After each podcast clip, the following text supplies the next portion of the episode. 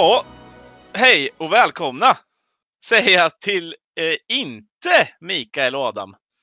Utan eh, till två helt nya figurer, eller helt nya i alla fall. Du Melker, du har ju sett och hört och, och eh, pillat med lite innan. Eh, När vi pratade Silly och du var med i något avsnitt även eh, under våren där va? Om Ja, det. Ja, eh, den lilla Landskrona-grabben från som har koll på allt vad som rör Silly i alla fall.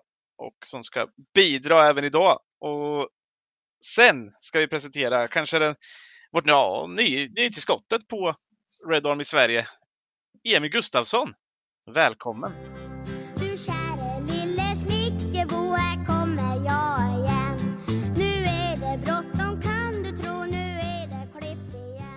Tack snälla. Jag trodde på trumvirvel där, men det kanske vi kan lägga in i efterhand. Ja, men jag, jag, jag känner så här, vi ska inte, vi ska inte hylla för mycket. Vi, Jag ska bevisa mig först kanske. ja, kan dra en sån här skämttrumvirvel efteråt. Brum, brum. Nej, Eh. Ja, nej, men eh, vem är, ja, vem är du då Emil? Förutom att jag får lite eh, konkurrens tänkte jag säga, men lite mer till mitt team här, Östgötateamet.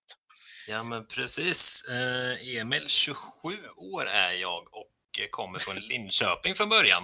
Eh, men just nu sitter jag faktiskt i Sundsvall för jag pluggar här uppe. jag.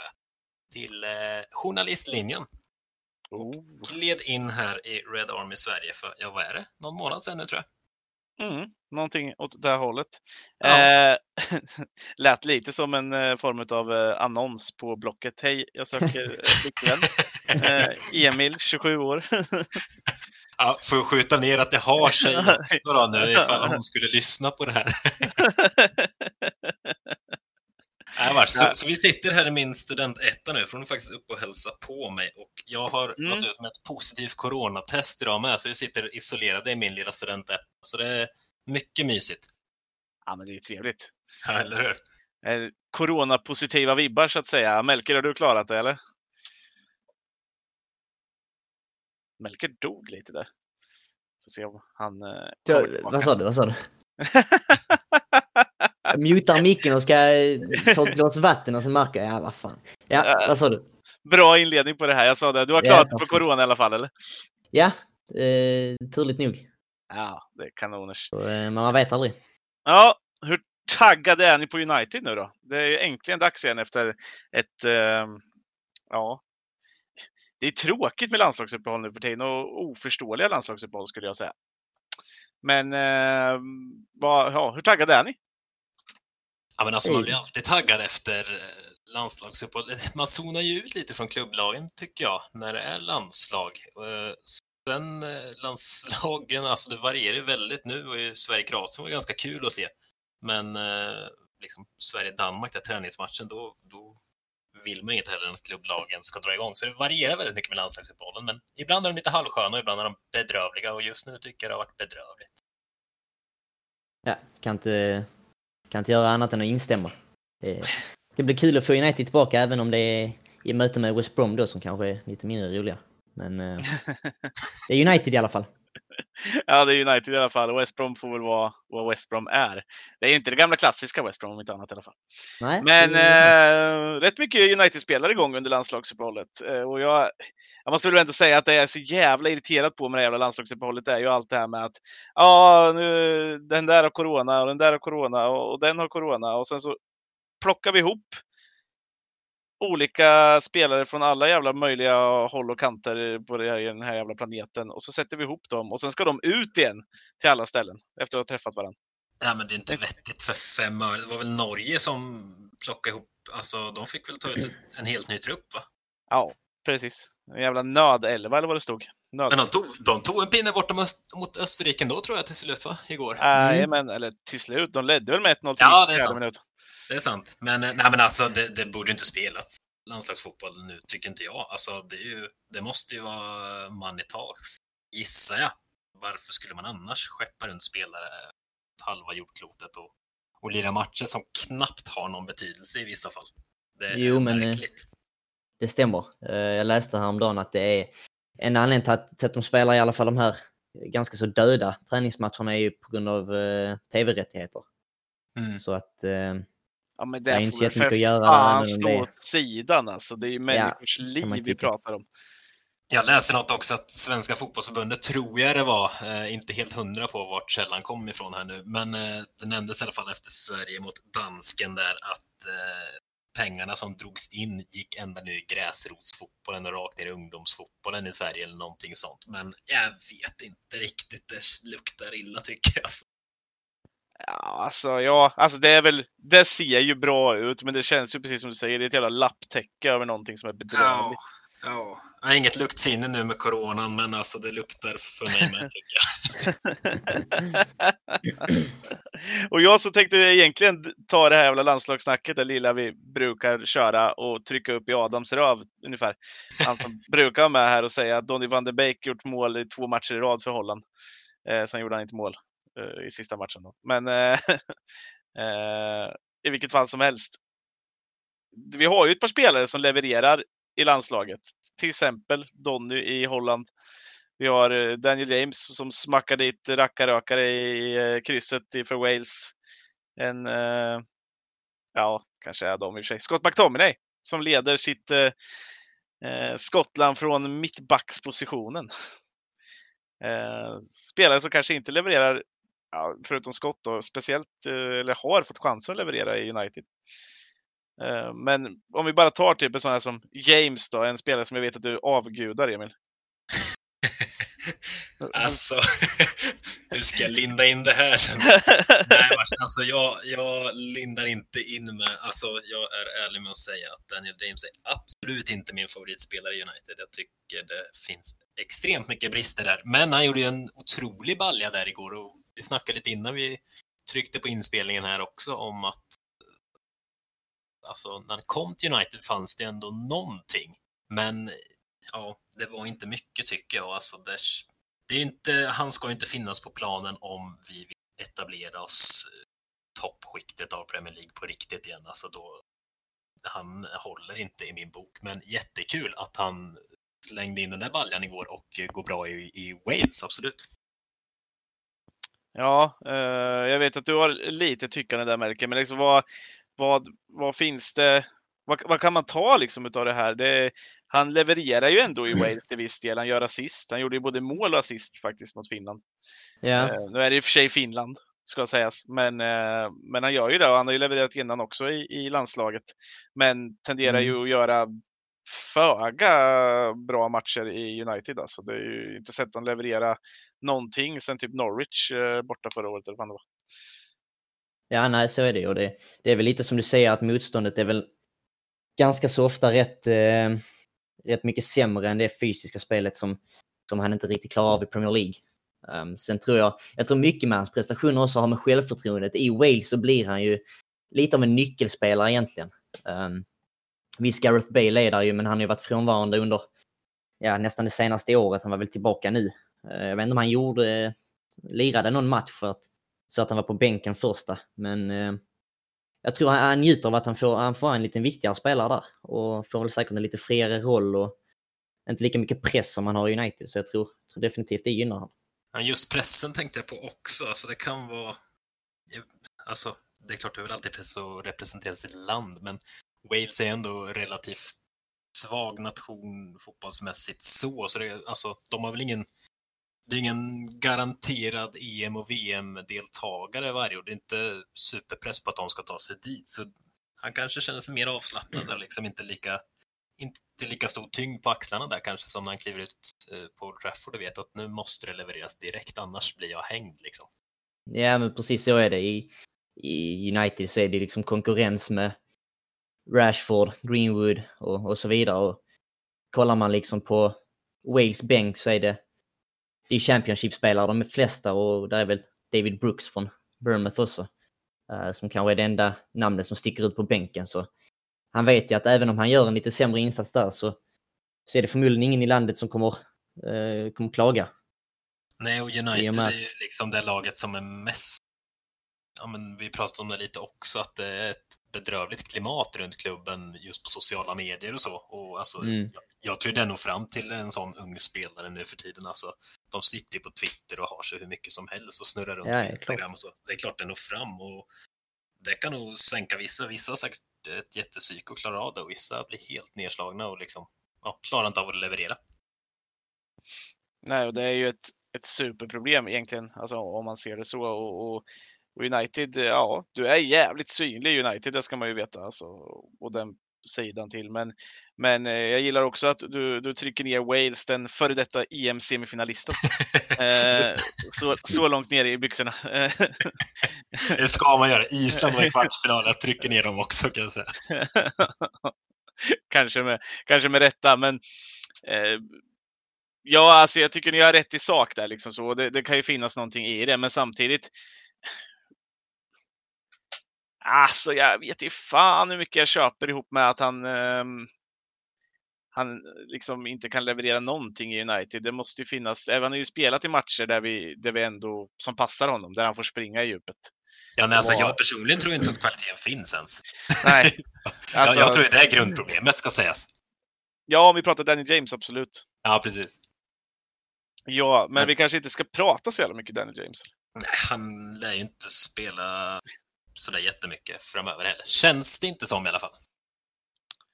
Nej, men vi har ju en annan spelare som kanske är lite viktigare för United och kanske lite större roll eh, i Anthony Martial. Dels ryggskadad eller så eh, efter matchen mot, eh, vilka var det de mötte? Kroatien. Kroatien. Eh, och eh, på det så missade han ju sjukt mycket lägen. Eller sjukt mycket lägen, men väldigt mycket lägen i alla fall. Ja, Han är, han är ju inte i sin bästa målform, alltså framför mål eller? nej han har väl inte inlett säsongen på riktigt det sätt han ville. Och jag tror det, det, syntes rätt klart mot Kroatien. Det var ett par riktigt bra lägen han fick faktiskt och Patricio i, eh, gör ju faktiskt ett par fina räddningar också men det känns inte riktigt som att eh, självförtroendet är där och jag tror väl det enda målet han har gjort ehm, han har väl satt en straff va? Visst har han gjort det? Eh, Mot ja, Leipzig va? han satte en straff mot Leipzig. och Det är Mm. han hade knappt haft ett skott på Och- mål i Premier League. Nej, nej han, jag tror inte han har haft skott på mål i Premier League. Faktiskt. Eh, Det är väl straffen mot Leipzig och en nick mot Istanbul. ehm, som kommer till minnes här. Men eh, i övrigt så... Ja, nej. Han har haft en tuff säsongsinledning. Men han har ju en spelar, eller en, han är ju en spelartyp ska jag säga som, alltså det, det är väldigt mycket av och på. Alltså det märks när han, man kan ju se efter fem minuter om han kommer vara bra eller dålig en match i princip. Man ser nästan i hans ögon kan jag tycka ibland. Eh, Och när han är dålig så ser han otroligt dålig ut. Han ser ju närmast loj ut och det vet jag ju. På tal om Twitter och liksom sånt, det ser man ju mycket i sociala medier också. Folk går igång satan på att de tycker att han ser så loj ut. Ja, men det är ju Mr Sadface. Alltså, Ja. eh, en utav dem kan man väl säga. Det känns lite som, eh, är Pogba glad och, och, och igång så är, så är Martial lite glad och igång på det.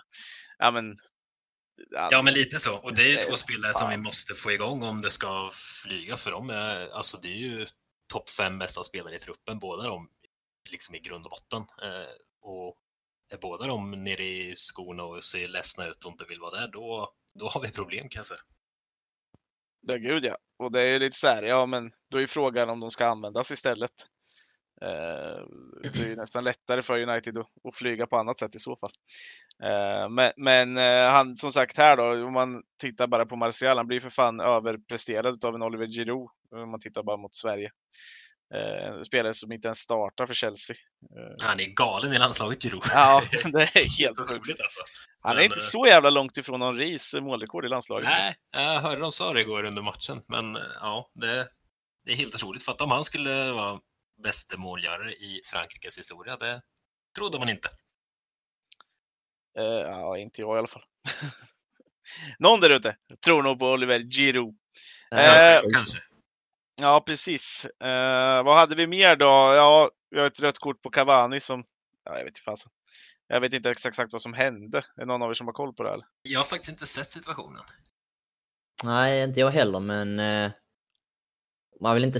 Jag läste någonting, men det känns inte... Jag vet inte om det är exakt korrekt, men eh, någonting att det hade med snack att göra. Men Mm. det kan som sagt inte stämma. Eller kan Nej. stämma. Ja. Det kan stämma, det kan inte stämma. Det är väl mindre viktigt. Han fick ett rött kort för Uruguay i alla fall. och Mm. eh, var inte med och tränade nu. Eh, lite oklart varför. Eh, men den kanske mest framträdande då var väl Scott McTominay som förde sitt Skottland till, eh, till EM i kvalmatchen där mot Serbien. Mm. Som mittback. Precis. Och på straffar till slut. Efter att den tillryktade eh, Luka Jovic, eller vad man säger, United-ryktande Luka Jovic i somras, hade kvitterat i slutet där. Eh, ja, han leder sitt lag. Han dricker bärs efter matchen i en solstol. Han ser ut att nu- njuta ganska bra nu, Scotty. Mm. Med all rätt. Det är lätt att tycka om McTominay, måste jag ju någonstans säga, även om prestationerna i United har varierat. Eh, Men väldigt lätt att tycka om. Man, man vill väldigt gärna att han ska bli riktigt bra och slå sig in i startelvan på riktigt. Alltså. Och det är intressant att han är mittback i, i Skottland. Har, man, har vi sett honom det i United någon gång? Ja, Ja. under Mourinho. Eh, West Ham borta. Det sant. Det var, jag har nog aldrig sett en så dålig mittbacksprestation som en spelare. Det var, så att, det är Men kul att han gör det bra i Skottland, men eh, ja, nej, det är en helt Men- klart en intressant position för honom. Men, Men vi eh, kör Gunnar Skottland tre, tre mittbackar, va? Japp, Ja, det gör de. varav eh, en är Tierney från Arsenal. Så att de har ju en innermittfältare som i Scott McTominay som mittback och sen Tierney ytterback och sen har de väl någon, någon Ja, eh, Jag vet faktiskt Ja, inte vem någon det är. mitten där Men- också. Men det, det är en mittback i alla fall. Så mycket Känslan är att det är ett fyrtorn emellan dem, som är en riktig Mm. skotte. förmodligen. Den riktiga skotten är väl ändå Scott McTominay. Ja, det, du har en poäng. Eller som Holmgren säger, Skotten McTominay! Fina Holmgren. Ja, det är en legend. det är det. Eh, nej men vad fasen, vad heter det? McTominay, ja men det är klart vi älskar McTominay. Jag, det var inte, finns ju inte för inte jag köpte honom på tröjan förra säsongen. Eh, framförallt hur han levererade under den tunga perioden fram till eh, Bruno Fernandes ankomst eller innan skadan. där. Mm. var han ju en, en av de bärande spelarna som faktiskt fick ändå United att gå framåt, även fast vi inte spelade ett United-spel i sig. Ja, Eh, han, han har ju skalle med. Man ser ju när han är ute på, på planen. Alltså, han kan ju gå fram och ställa sig panna mot panna med en motståndare. Liksom. Ja, men han, han blöder lite för, för laget känner man. Det krävs inte mycket mer alla gånger. Alltså, när man, ja, ja, men Pogba exempelvis. Vi vet ju hur loj han kan se ut och se ut som han vill sitta på en solsol i Madrid istället emellanåt.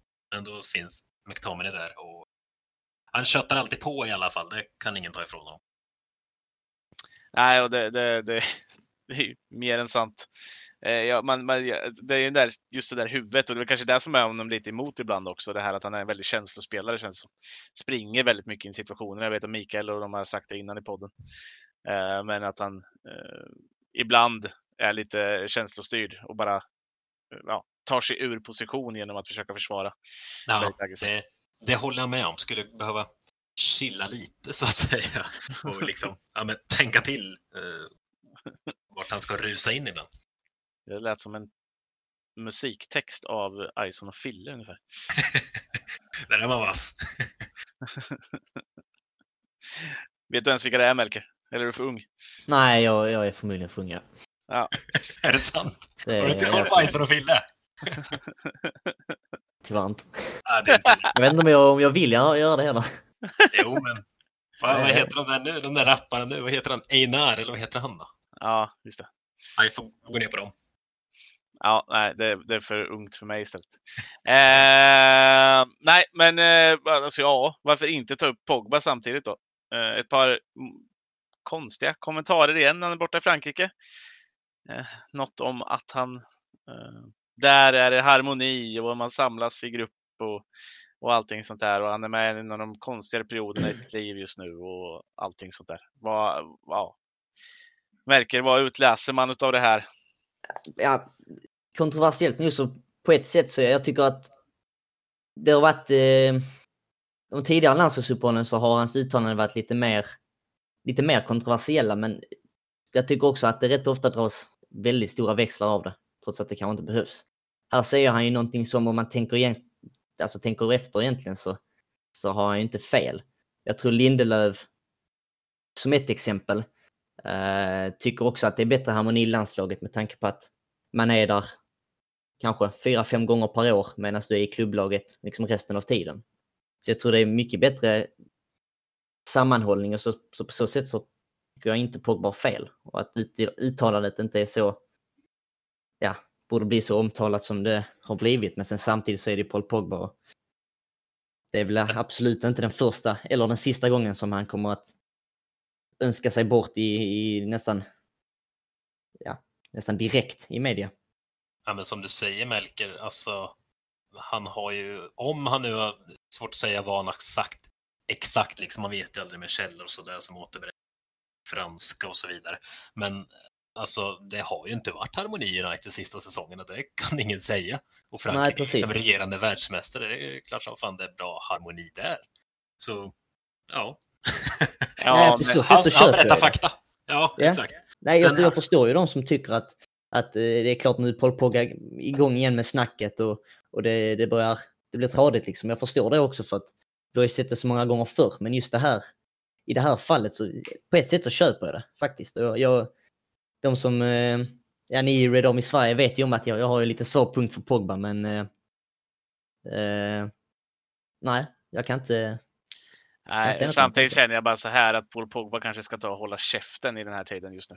Han varenda, varenda gång han är iväg så är det ju någonting sånt här. Alltså kan han bara åtminstone tänka lite innan han uttalar sig? Eller?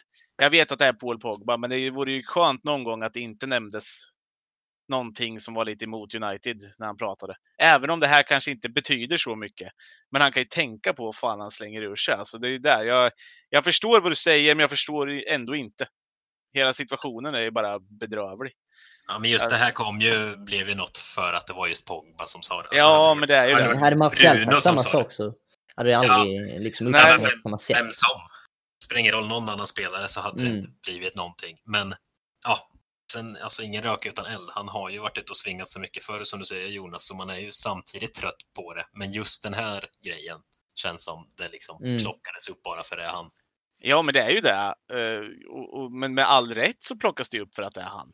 Alltså jag Ja, hade men inte jag- brytt mig så mycket om Martial hade sagt det. För att han har inte varit ute heller och flörtat med 17 andra klubbar. Nej, men det är 17 andra klubbar, men en klubb i alla fall. Eh, och, och gjort det ganska öppet. Eh, och nu när man är inne med en ny kontraktssituation med honom också och så där, då blir man ju heller inte jättemer lockad på att United ska skriva på ett nytt. Och hans prestationer har ju inte, förutom mot Red Bull Leipzig skulle jag vilja säga och inhoppet mot PSG, så har det ju inte varit några dunder, eh, ja vad ska man säga, dunderprestationer från hans sida i, i United i år. Liksom. Ja, nej. Han har ju lite satt sig i den här situationen själv. Eh, även om i mitt tycke att det både är ett, ett, ett ganska så delat ansvar både från klubben och såklart Pogbas sida. Men han har ju lite satt sig i den situationen att oavsett vad han säger när han är på landslagsuppehållen så kommer det att tolkas på ett sätt som gör att det är emot United. En lite annan sak jag tänkte på. Tänkte ni på hans position eh, i Sverige-matchen? Det har ju varit så väldigt, väldigt mycket snack eh, kring att ja, men de som försvarar Pogba är ofta att han får aldrig spela på rätt position i United och så vidare, även om jag tycker han har fått chansen där ganska många gånger högre upp i banan. Men alltså mot, eh, mot Sverige går det i Frankrike. Jag tyckte han låg väldigt långt ner, som han har gjort i United också. Men Ja, det var inte alls vad man förväntade sig. Och de, det, det är två man i mittfältet med Pogba och Rabiot. Eh, Ja. Rabiot. Det var ju mer Rabiot som man förväntade sig skulle spela i den lite mer djupa rollen. Men nej, det var helt klart med Tebot. Jag tyckte det var lite intressant i alla fall, för det är många som säger "Ja, men kolla hur han är i Frankrike, där får jag ju spela högre upp och vad bra han är där. Men jag tyckte det var lite same same faktiskt när jag Mm. såg den matchen. Ja, men sen, jämförde man då med den matchen, jag kommer inte ihåg om det var mot Kroatien eller... eh, jo, det var nog mot Kroatien.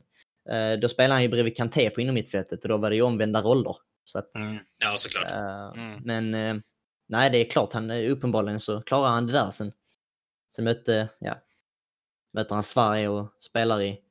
De var ju I bollförande. De första 20 minuterna hade de väl 79 bollinnehav tror jag. Ja, nej, att, precis. eh, Ja, han har ju... Alltså skulle man sätta in franska landslaget, det är ganska många spelare i det landslaget som går rakt in i United startelva. Utan att vara taskig. mm, ja, definitivt. Det gör nog nästan varenda. Alltså. Ehm, kanske inte Rabiot den spelaren jag hade tagit, men ehm, det finns ju ett par andra så, som jag gärna hade plockat om man hade fått det. Liksom. Eh, men ja, det är en annan, det kanske är det också. Han är en annan harmoni där, där känner han inte av samma sak. Han behöver inte tänka på vart fan han vill spela. Det, han har bara ett val och det är franska landslaget när det gäller den nivån. Eh, kanske också spelar in, jag vet inte. Mm. Ja, vilket, vilket jävla landslag förresten. Jag måste bara nämna det. Herregud, Frankrike. Fick jag det sagt? Vilket lag? Galet vilka spelare som sitter på Nej. bänken alltså. Ja, Sanslöst alltså. det är ju rent av en rotation mot, eh, mot Sverige. Alltså det är ju det. Annars hade inte Rabiot startat istället för Kanté och lite sådär. Ja, det är roligt. Kanté var avstängd tror jag faktiskt. Ja, men, det var han. men det är klart, de kan, ju, de kan ju rotera in sin fjärde elva liksom och Ja. vara bättre än Sveriges i princip och då gillar jag ändå Sveriges lag just nu. Men nej, det är helt otroligt. Makalöst. Ja, bra är de i alla fall. Så, så mycket kan vi säga. Även om de såg lite halvtaffliga ut när Viktor Claesson tvåfjuttar in en boll i, i, ehm, i, ja, i mål. Helt enkelt. Eh, jag tänkte att vi skulle ta med oss en svensk därifrån som eh, spelar United eh, och gå över i snacket inför West Brom. Eh, för att det är väl lite oklarheter som rör Victor Lindelöf. Han eh, byttes ut eh, under andra halvlek mot, eh, mot Frankrike. Eh, har återigen, tar sig återigen för ryggen. Det är ryggen som smärtar. Eh, känns ju sådär just nu faktiskt. Att han åkte och spela överhuvudtaget. Han ställde ju inte upp mot Danmark. Han fick inte åka till Danmark enligt eh, brittiska eh, reglementen. Eh, men fick åka och spela de här andra matcherna. Eh, eh, och det har han ju gjort, men kliver av skadad. Eh, och frågan är ju, det är ju frågetecken kring Martial, det är frågetecken kring Lindelöf, det är frågetecken kring Maguire som inte tränade idag. Lindelöf tränade idag. Eh, vi får säga att vi spelar in det här torsdag. Då. Så att vi, Tejes tränade och har lämnat negativt eh, covid-test så han är klar för matchen och kan spela. Vilket är bra med tanke på att Luke Shaw också missar. Eh, kommer att bli borta till mitten av december någonstans eh, som minst. Men vad, vad, vad har vi tanke runt där? Jag tänker framför allt, vi möter ett West Brom, kanske inte världens bästa fotbollslag, inte vunnit i ligan i år än, men vi har två mittbackar som är osäkra kort. Och vi har ytterligare två mittbackar redan sedan innan på skadelistan. Ja, nej, det var väl lite som vi sa innan, innan vi började spela in också att oavsett om Lindelöf eller Maguire kommer till, kommer till spel eller inte så är ju West Brom ett lag vi ska slå med den offensiva kraften vi har. Och mot ett West Brom som är det lag som har släppt in flest mål i ligan tror jag. Eh, men sen samtidigt, det är klart det är oroande. Försvaret har ju inte sett det bästa ut i år. Även med Maguire och Lindelöf på plan. Så att eh, jag tror i alla fall åtminstone en av dem kommer till spel. Eh, det tror jag. Maguire ska väl inte vara så Hans skada ska väl inte vara så allvarlig. Eh, någon mindre eh, skavank. Så att jag, jag, jag tror att det blir, eh, jag tror inte båda startar men jag tror åtminstone en av dem gör det.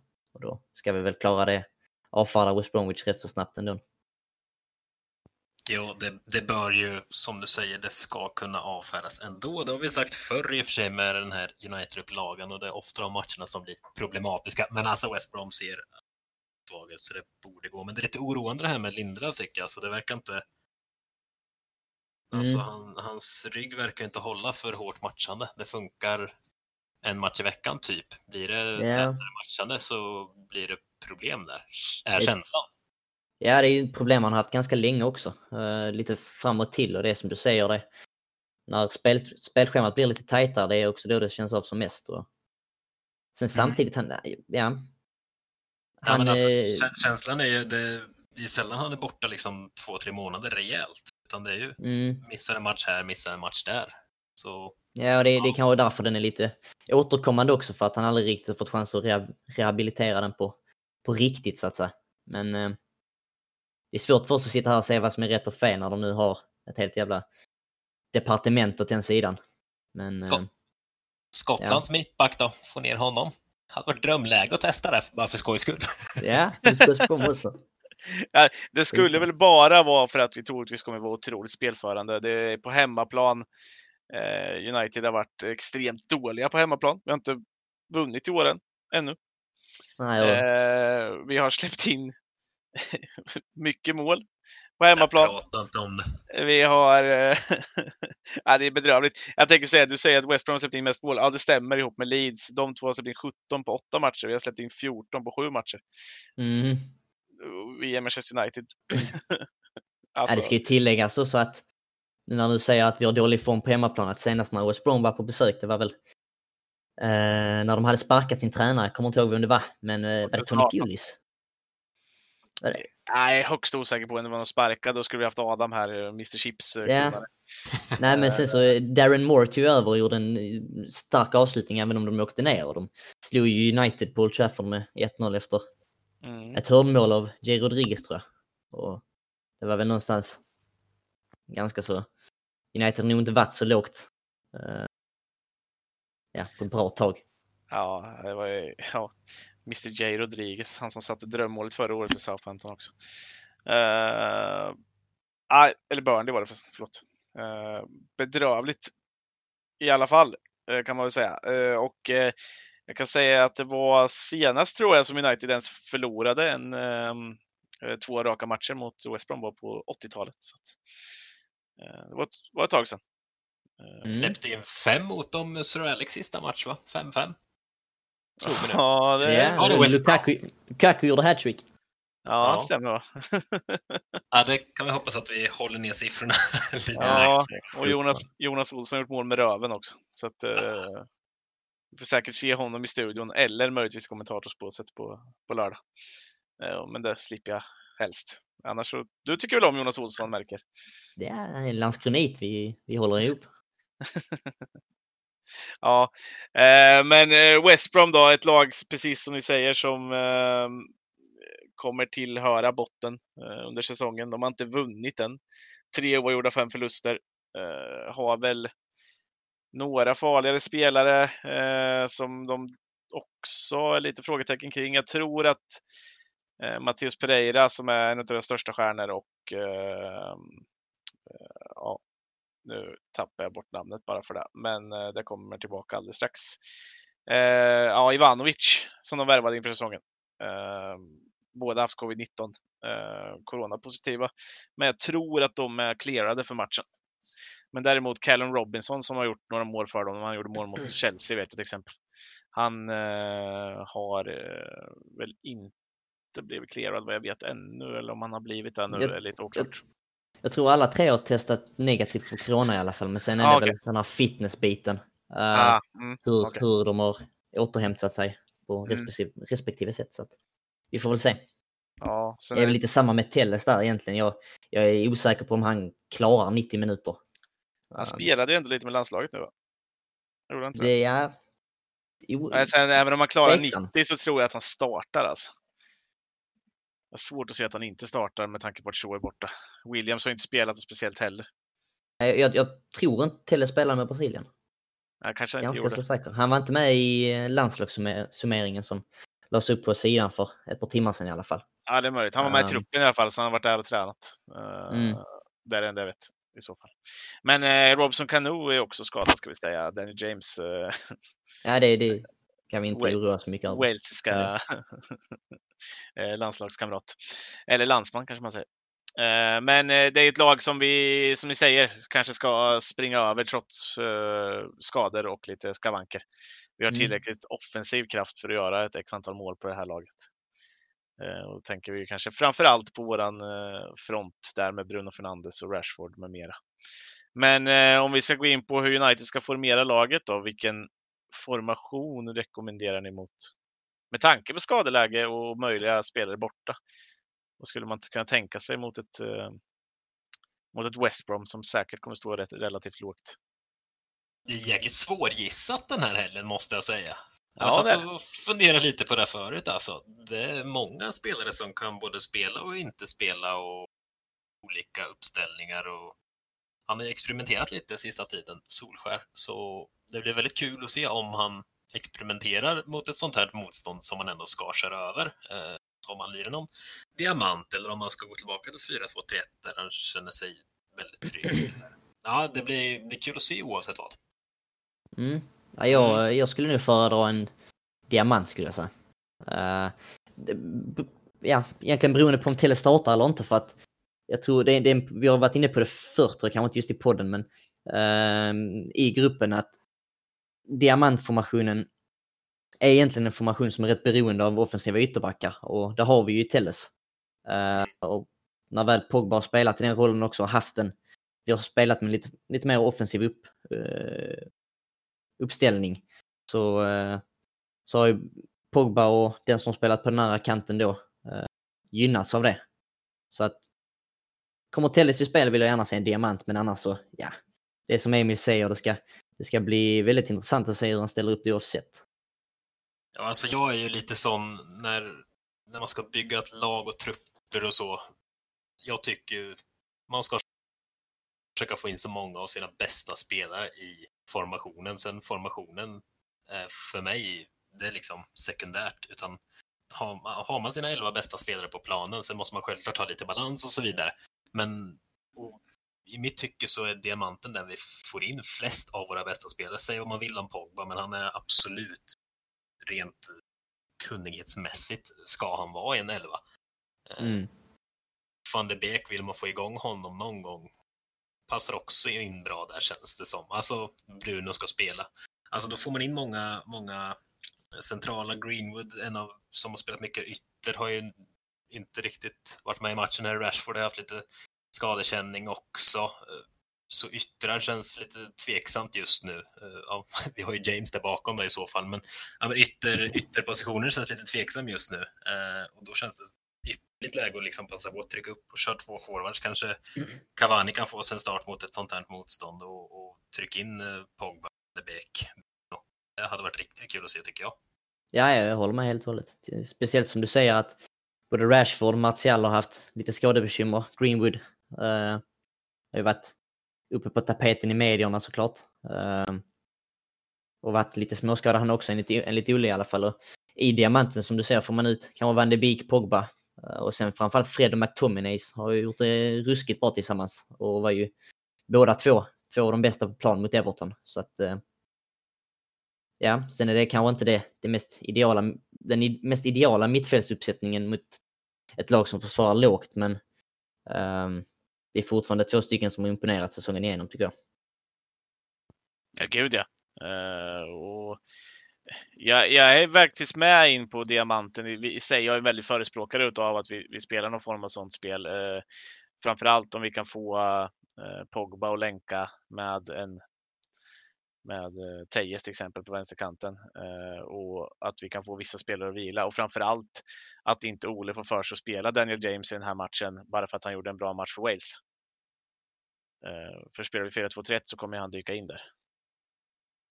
Ja, och det oroar mig lite någonstans ja, kan jag ja, säga. Han kan göra det. det, är, Alltså, det Han, Ja, Vi har sett det tidigare den här säsongen bara. Att bara för att James uppenbarligen gjorde någonting bra så fick han starta i en match där vi ska dominera spelet. Och där är han ju inte bra. mm, på, ett känns, på ett sätt så känns det ändå som att Olle har lämnat det lite. Att han i så fall tar in kanske Mata på höger.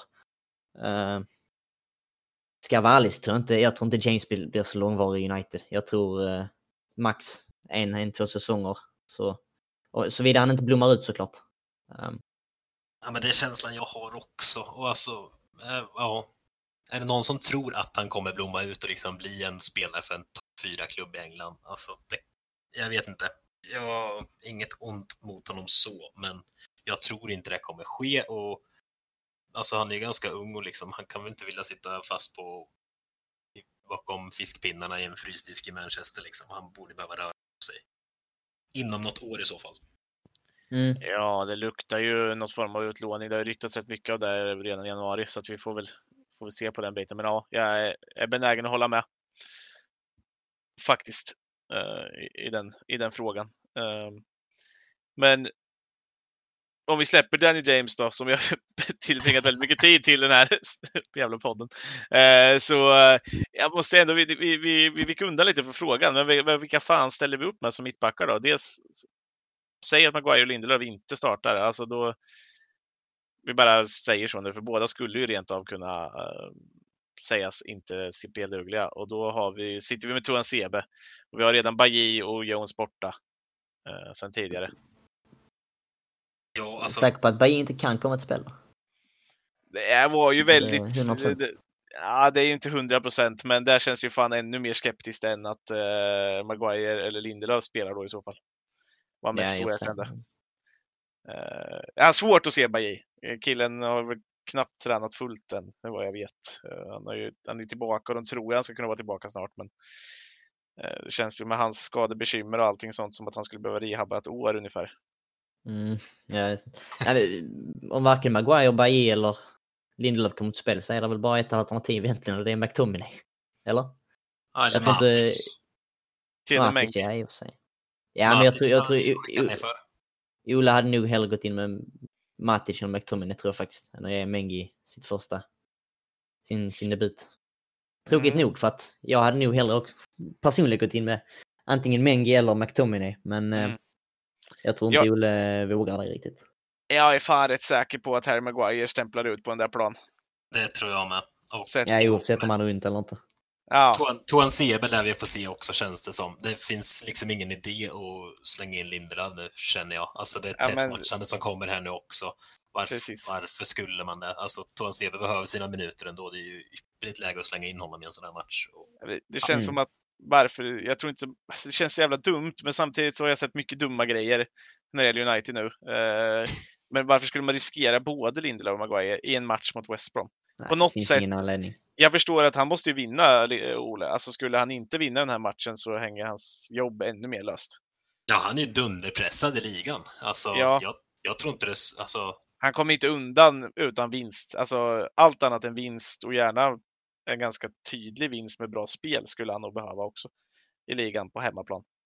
För att folk ska vara nöjda. Man blir ju inte nöjd med en 1-0 vinst i 94 här. Det, kan man ju inte tänka sig. Nej. Men å andra sidan, det kommer matcher här på löpande band som han måste vinna. Alltså, det är kniven mot strupen på många matcher här nu känns det som. Alltså, vad ligger vi? 14 i ligan, eller vad är det? Eh, ja, Alltså, en, en seger räcker inte. Alltså, även om vi skulle gå och vinna Champions League-gruppen här nu, skulle vi fortfarande liksom bara skrapa upp två av sex möjliga segrar i ligan här framöver. Måste Solskjaer ryka i min bok i alla fall. Så Ja.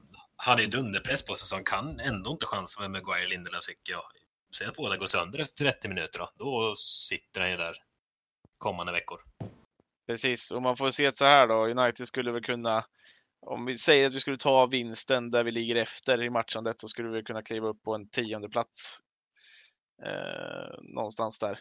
Eftersom vi har bedrövlig minusmålskillnad också. Eh, till skillnad från de lagen som har så mycket poäng som 13. Vi har ju bara 10 poäng än så länge. Eh, varav 9 av dem är vunna från underläge så vi kanske ska släppa in ett mål i början här då.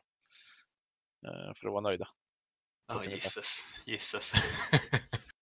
Nej, men eh, Maguire Tonsebe skulle jag gissa på i alla fall som mittbackspar. Och Sen är ju känslan att Telles kommer springa ut på vänsterkanten. Eh, Williams vet man inte riktigt. Status känns lite, lite märkligt. att Vet vi något om honom, känner jag? Egentligen inte, men eh, det- jag tror bara det är att han, ja, han har Telles och Shaw framför sig och sen skulle jag skulle gärna vilja se han konkurrera med Wan-Bissaka ute till höger då. Om Wan-Bissaka inte gör ett par matcher så att han också får lite press på sig. Um, men uh, nej, i övrigt så har det inte varit så mycket väl. Det var väl någon intervju med Williams för några veckor sedan tror jag på, på Uniteds hemsida men det var ingenting direkt riktat mot det spelmässiga och det enda han sa väl var väl egentligen bara att han hoppas ta chansen när han får den. Typ. Ja, nej men han, han finns ju där och som vi har pratat om också lite internt i, i Red Army Sverige här, alltså offensiva ytterbackar är något som är otroligt viktigt i, i dagens fotboll. Jag vill inte jämföra med Liverpool, men man kan ju inte undvika det. Alltså Robertson och Trent är ju helt otroliga där offensivt sett.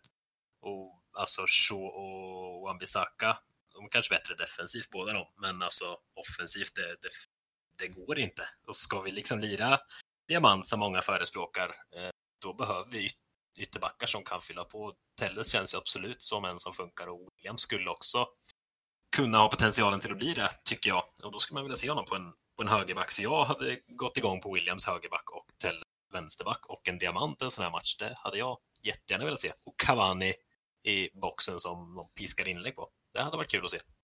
Mm. Nej, jag håller med allt. Faktiskt. Absolut, och det känns som en, en, en eh, supermatch för Cavani att eh, faktiskt få en, en start i. Eh, en match där vi säkert kommer kunna få en hel del chanser till inlägg. Eh, och, jag ser väl ingen av de andra forwardsen som är bättre på huvudet än honom. Uh, Igalo lär väl inte spela, tänker jag. Eh, så att Nej, där Mm. pratar vi frysbox i alla fall. Nej, tveksam om han gör en match i år alltså. Det Ja, är för ja, mycket till. Stackarn känner jag någonstans. Känner att det där lånet blev ju inte jättebra. Ja, men vad fick han höra när de förlängde det? Liksom? Ja, men vi, vi kör på det, eller? Han har ju inte spelat en minut sedan dess, eller har han det? Men det var väl mest bara en breddfråga liksom innan säsongen var, var slut. Ja, Annars hade man ju missat han de sista tio matcherna där när Ja, Europa League förlängdes. just det, så blir det. var ju, just det. Jag har glömt coronan fast jag sitter där med, med Ja. det själv här. Sen tror jag, jag, tror, jag tror inte han bryr sig om han spelar. Alltså, det är klart han bryr sig men samtidigt så äh, han är ju i sin drömklubb och så länge han får träna. Han vet ju om att han, han är ju inte först, på, först i rangordningen precis. Men äh, Han lever ju jag gott. tror han är nöjd ändå. Nöjd ändå. Ja. Eh, men om vi säger så här då. Vi tror väl att eh, de Gia står, Wan-Bissaka, tror han Sebe. Gissar vi på Maguire sen då? Eller? Jag gissar Ja. på Maguire. Det är ja. känslan. Ja, eh, och Tejes som vänsterback måste jag väl ändå gissa på. Då spelar väl, eh, ja, spelar Matic eller Fred eller McTominay. Vem spelar ankare då? Jag tror det blir äh, McTominay, Fred, Pogba, Bruno i mittfältsuppsättningen. Som äh, mot Everton. Blir det då va? Mm. Ja, Det funkar väl bra där Ole brukar väl inte ändra på så mycket när det väl har funkat bra för en gångs skull. Nej, det är sant. kän- känslan är ju det också, tycker jag. Sen, eh, Nu startar inte Pogba mot Everton, som jag sa, men eh, sant. jag tror Pogba startar i alla fall. Det tror jag med. Sen ska man ju alltid väga in. Alltså, jag tycker ju det här med hur mycket de spelar i landslag och så, alltså, det tycker jag man ska väga in väldigt mycket. Och alltså till exempel Matic och Fred har ju inte, sådana gubbar är inte iväg och lira med landslag. Det tror jag spelar roll alltså. Jag vill nästan se sådana som har vilat. Som ändå är tillräckligt bra såklart. De gillar jag att se direkt efter en landskamp. Eh, Eller landslagssamling.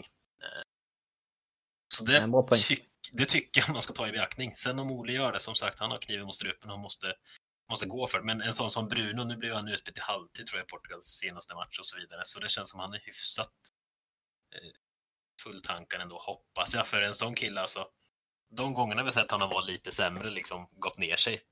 Det är min bok rakt igenom när han har varit sliten. När han varit utvilad har han varit helt otroligt bra.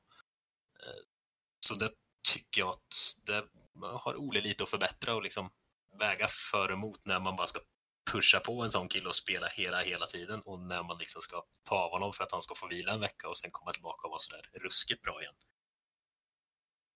Ja, det, det kan till viss del hålla med samtidigt som jag också är inne på det spåret att han är ju fan inte råd att vila honom nu. Nej, det är sant.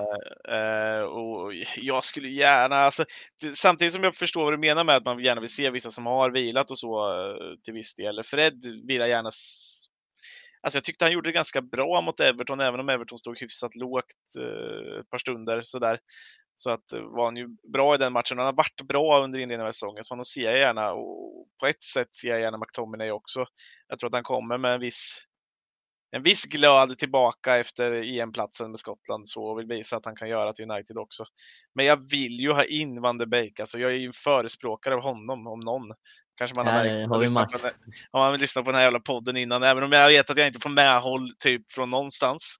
Så eh, Alltså han är ju en nyttig spelare att ha alltså. Jag tror att han kan vara bra i en sån här match där vi behöver luckra upp lågt alltså. Han tar sig in i straffområdet och han hittar luckor mellan spelare bara han får bollarna där. Jag skulle bara vilja se kanske att han vågar vara lite mer direkt och inte så, så feg ibland med bollen. Nej, men återigen, alltså det måste, det, man måste få igång hela truppen. En sån gubbe måste man få igång. Det är ett brutalt spelschema här, alltså nu den här coronasäsongen alltså. Det är ju matcher hela tiden verkligen. Och jag tror det kommer, jag håller med dig som du säger Jonas, att man vill se McTominay, man vill se Fred, för de har varit heta. Eh, men jag tror det kommer hoppa tillbaka och bita oss i arslet om man bara pushar dem och kör dem här. Match nu, match i veckan, match nästa eh, helg. Alltså, det biter oss i arslet om vi bara pushar på dem nu tror jag. Ja, gud ja. Absolut. Eh, och det... Ja, alltså det är så jävla svårt att säga om allting.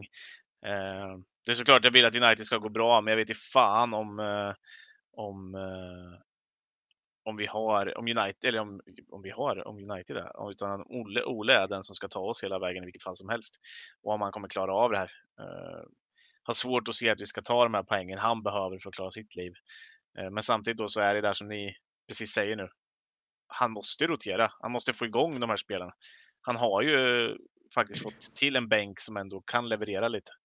Och när han ställer upp den här diamanten så får han ju offensiv kvalitet på bänken som man kan byta in också, vilket vi ser typ mot, eh, mot eh, PSG Leipzig. Så. så att det är ju någonting han måste fortsätta med helt enkelt. Annars så kommer det här, ja, jag vet inte. Han har ett stort test här nu mot ett lågt stående dåligt eh, West Brom.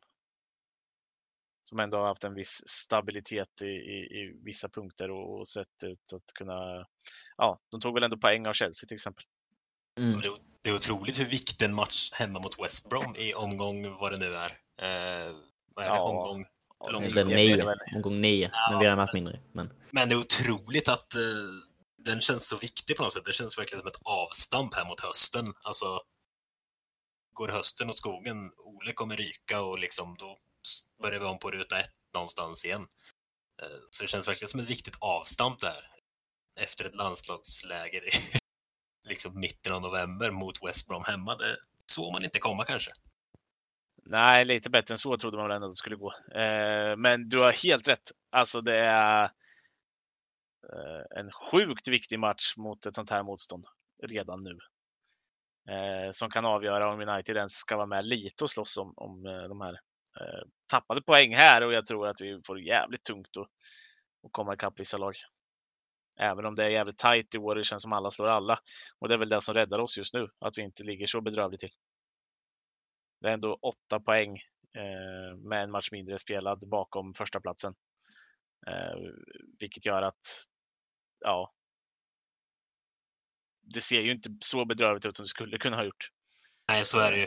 Men samtidigt är det ju riktig rullgardin ner alltså, om du skulle tänka dig en torsk mot West Brom här hemma. Liksom.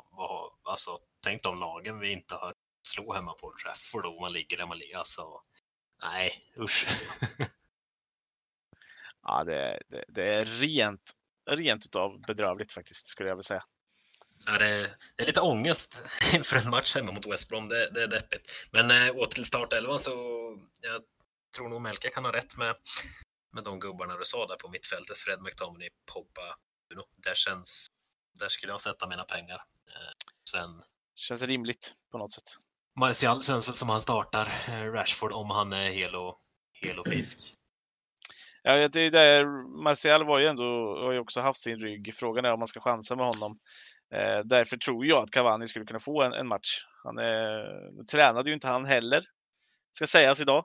Eh, oklart varför. Eh, Men har inte det att göra att han har rest från Sydamerika då? Långresa? Ja, ja sånt. Tänk, Kanske inte tänk. hunnit fram knappt. Ja, men det är, det, det är väl det som skulle kunna vara alternativet då, till att han inte tränar. Uh, men uh, jag har inte läst någonting om att han skulle vara skadad i alla fall. Uh, eller någonting sånt. Så att skulle vi säga att han skulle finnas tillgänglig. Martial vet vi ju helt enkelt inte. Han tränade inte idag va? Jag har inte läst att han inte har tränat i alla fall. Jag har bara läst Cavani, Maguire jag, jag vet för mig att jag läste tre, jag är nästan säker på att jag läste tre namn. Men jag, jag, jag såg, nej jo fan han åkte, jo det var inget. Det var inte Marcel, jag såg honom i bilen eh, på en av de här fotona. Åka in till mm. träningsanläggningen. Ja han tränar ju inte med, med Frankrike de sista dagarna i alla fall. Nej, precis. Uh, vi får väl helt enkelt se egentligen med de här spelarna. Det är precis som ni säger, det är otroligt svårt att säga en startelva inför den här matchen. Men uh, vi kan ju försöka säga hur det går.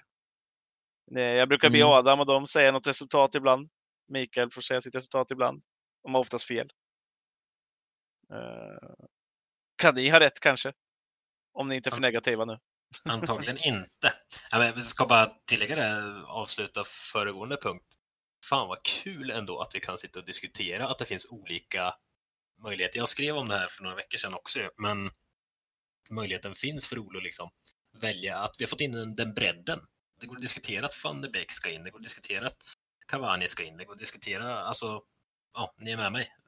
För, ja, gud ja. för något år sedan, då var det liksom, ja, jaha, nu är den här killen borta, nu får vi liksom gå ner i B-sortimentet och kolla läget. Det, det är jäkligt kul att vi har den, den möjligheten i alla fall. Det, det ska vi ta med oss i dessa mörka tider tänkte jag säga. Ja, vi har ju bytt ut namn som Andreas Pereira mot Donny van der Beek och, och, och lite åt, åt Ja, det hållet så att säga. Det ska inte förringas. Och Nej. bara lyckas eh, få in en ruljans och få igång alla där så, så blir det kul. Nu kan vi tippa. Jag börjar då Emil. Släng ut något. Ja, men vad, alltså, ja men det måste, det måste bli, ja, 3-1 blir det. Det går inte att så stampa längre på hemmaplan. Vi måste slå West Brom. De är för Men- dåliga. Det blir 3-1. Men ingen nolla. Nej, tyvärr. Märker du? Ja, det, ja, det är tufft. Jag vet inte varför jag vill sitta här och säga att uh, Fellaini avgör i 90, 93 men... eh, nej, jag vet inte. T- 2-0. 1-0 West Brom trycker upp lite och sen... Jag tror eh, Sam Johnstone i eh, West Brom-målvakten, gamla United-produkten, gör en Mm. stor match tror jag. Men eh, Du tror att West Brom 2-0 vinner med 2-0? nej, nej för fan. Nej. Nej, fan. Så, eh, Ja, det lät då- då som att West. Brom trycker fram och gör lämnar jag. 1-0 tyckte du sa. Jag bara, fan. Ja, då byter jag lag. nej, Jag har skickat ut det direkt. Nej. nej, jag förstår. Nej, jag hade tagit Nej. Jag tror 2-0 United och Maguire på hörna och Cavani gör ett sent mål igen. Mm. Ehm, ja, inte fan. Bruno gör, slutar ju aldrig göra poäng.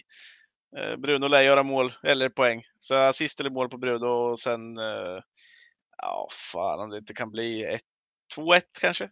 Säger jag då, bara att inte vara likadan. Så jag lägger mig emellan er två. 2-1 Mm. säger vi.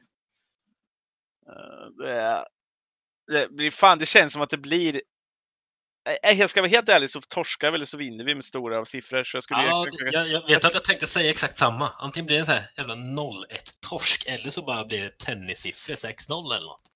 Ja, men vi gör sådär. Vi gör massa mål i slutet. Vi kanske gör 1-0 lite så här eh, halvtrögt in i, mitt, i början av andra halvlek. Och sen så får vi in en 2-0 och sen rinner det på för att West Brom ger upp. Och så vinner vi med 5-0. Eller så släpper vi in 1-0 på ett självmål av, eh, av eh, det tror jag CB i början av matchen och sen så står sig där. Ja, Det- det, det- som sagt, det är, fan, man ska inte behöva ha ångest inför en sån här match, men alltså. Nej. har man! Ja, Nej, det är det- sjukt hur eh, lågt vi har sjunkit alltså. Sitter här och oroas över eh, Ivanovic och Hallgrop som kanon för fan. Ja, alltså de, de har ju Premier Leagues sämsta trupp, eller? Det måste det vara. Ja, Det det är det så vara. dåliga spelare när jag kollar rakt igenom. Det är inte en gubbe som skulle kliva in i... Alltså, de flesta bottenlag har ändå ett par, tre gubbar som man liksom... Wow, här kan det hetta till. Men här, alltså, nej. Nej, va?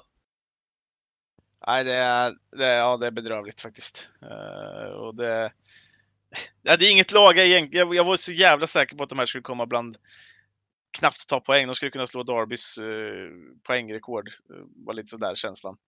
Uh, alltså bottenrekord i att, vad fan tog de, 11 poäng eller något en säsong. Jag kommer inte ihåg exakt vad det var, men det är någon, någonstans där omkring. Men det var inte mycket i alla fall. Nej, precis. Eh, Och ja, jag vet inte fan, men det. Jag mår dåligt av att tänka på det. Jag vill ju må glad. Vi ska få se United igen. Vi vann mot Everton innan uppehållet och sen så, så mår man dåligt över att vi ska möta West Brom. Vad Ja, det- fan, vad fan det- är det här? Varför är jag så det- deppig för? Det säger mycket om någonting, Ja. Det, det säger mycket om vart, eh, hur United mår 2020. precis. Ja, vi lämnar i alla fall West Brom här då och eh, tar oss över till en fråga som vi faktiskt fick in, eller fråga. Vi, vi har fått in litet eh, request om att eh, prata om en viss sak. Eh, och det handlar ju egentligen om en spelare som, för er som alla som älskar Sillys så värvade vi ju Ahmad Diallo Traoré ifrån Atalanta eh, för rätt stora summor i stor summa i ehm, ja, transferfönstret i somras och han kan först komma då i januari. Ehm, och efter lite klipp på Youtube eh, eller Twitter och allting som har släppts från träningar med Atalanta och Papu Gomez som säger att han är, eh, för er som inte vet, Papu Gomez är en argentinare och en av Atalantas största stjärnor. Ehm, som säger att han ser ut som Messi på träningarna så har det ju hypats något enormt den senaste veckan om Ahmad Traoré eh, till United. Eh, att han ska vara någon form av frälsare redan i januari och det här känns ju som något fruktansvärt överdrivet för min del. Eh, I det här läget. Men jag vet inte vad ni känner. Nej, det- det är ju- och spännande är det ju för framtiden. Men Ja, folk får lugna sig. Alltså, hur många gånger har man inte hört att det kommer någon ny brasse eller något som ska vara nya Neymar eller nya Ronaldinho eller något och sen blir det pyspunka. Alltså killen har typ tre seniormatcher med Atalanta i sin karriär liksom. Så vi får Mm. ändå lugna oss lite. Det är jättekul att, eh, att vi har en sån ung värvning någonstans känner jag och det är kul för, för framtiden. Men eh, alltså han kommer inte in i januari och får det här skeppet att flyta kanon. Nej, det, det det är som ni säger, det är, ett- det är ett namn för framtiden. Um, sen sen är det, lite, det är lite synd om honom för han är en, han är en eh, yttermittfältare och Atalanta spelar utan yttrar. Det är väl 3-5-2 de kör. Så att han får ju inte... Det är svårt för tränaren att liksom sätta in han i, i, i den elvan. Eh, I ett Atalanta som verkligen har den där fronttrion där uppe med Papo Gomez, Muriel och uh, Illich. Och så är det väl Zapata också, Duvan Zapata. Så det, det, Mm. men ja, som sagt, som du säger, tre matcher har han gjort på seniornivå. Så att vi ska nog inte förvänta oss för mycket direkt i januari. Nej, eh, och, alltså det känns bara så här, man måste härta ner sig lite. Det, det är som sagt en kille som knappt gjort seniormatcher. Eh, han ser helt eh, gudomlig ut och om man tittar på Youtube-klipp som man kan göra på hur många spelare som helst så ser de gudomliga ut. Men de flesta av de här klippen är ju liksom på juniornivå. Sen är Atalanta ett fruktansvärt bra, eh, det är väl en av de största akademierna i Italien. Eh, så att det säger ju också en del. Det är, det, de är ett alltså de, de vinner mycket, liksom, hela laget. Och hade nog gjort det utan Traoré också, även om han är deras största stjärna. Eh, det är mycket pengar för en sån ung spelare. Han är en av de mest lovande talangerna i världen. Det är sjukt trevligt att han kommer till United, men att han skulle leverera. Levererar han i januari så äter jag gärna upp mina ord.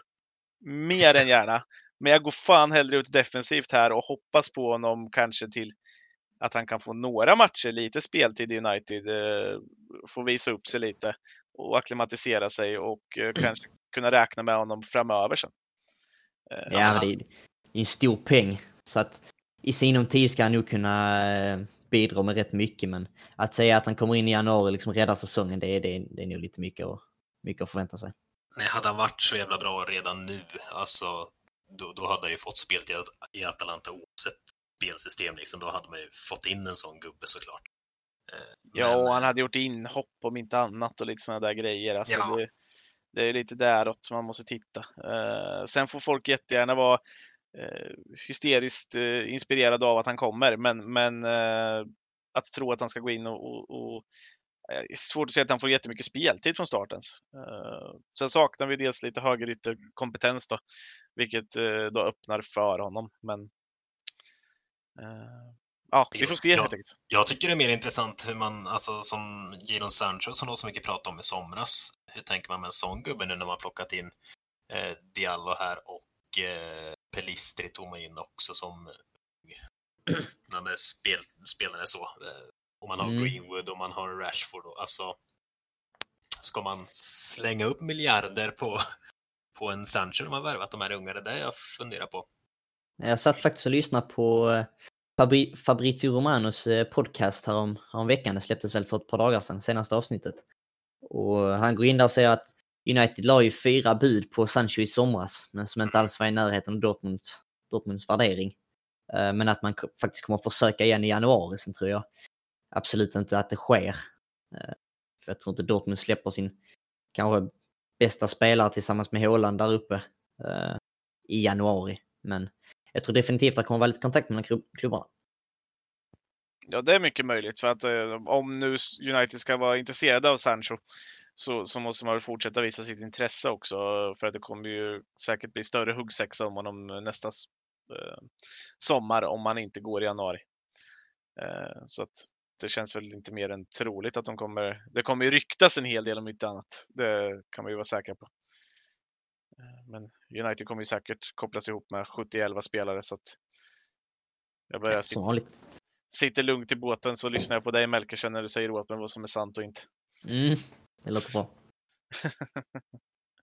Ja, men i vilket fall som helst, det känns ju som att vi, vi kanske ska lugna oss lite runt Ahmad Diallo och ja, får vi se vart det landar helt enkelt. Otroligt roligt som sagt att eh, United överhuvudtaget eh, satsar bra och ungt. Eh, och, eh, vill ni höra mer om unga nyförvärv och lite sådär så tycker jag att ni ska lyssna tillbaka till eh, eh, ungdomsspecialen.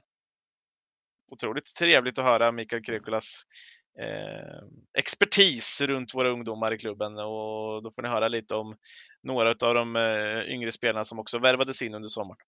Ja, väldigt, väldigt kul faktiskt. Intressant för oss som inte är som Mikael och ser varje juniormatch i United också. Ja, precis. Men eh, nej, skitkul att, höra om dem, för man läser ofta om namnen och liksom så, men man kanske inte, ja, man hör inte så mycket om dem, så det rekommenderas varmt att höra det avsnittet. Eh, gör det. Eh, och eh, ja, det är väl dags att avrunda för idag hörni. En debut för Emil, en eh, fortsättning för Melker och ja, jag sitter här i de... Gamla räven. Ja, precis. Mig blir ni inte av med uppenbarligen. Ja, det är Men-. I gamla Norrköping med min östgötske. Jajamän. och götta med mig. Det är- skönt ändå att det är östgötar två, skåningar en här inne idag. Och ja, tack så mycket gubbar! Tack själv. Tack själv. Så hörs vi nästa vecka. Glöm inte att följa oss på eh, Instagram, eh, Facebook, Twitter och eh, gilla det här på, gillar ni det här podden, in på Spotify, följ oss och på Acast eller vad fasen ni lyssnar på och dela gärna vidare så hörs vi nästa vecka. Bye bye!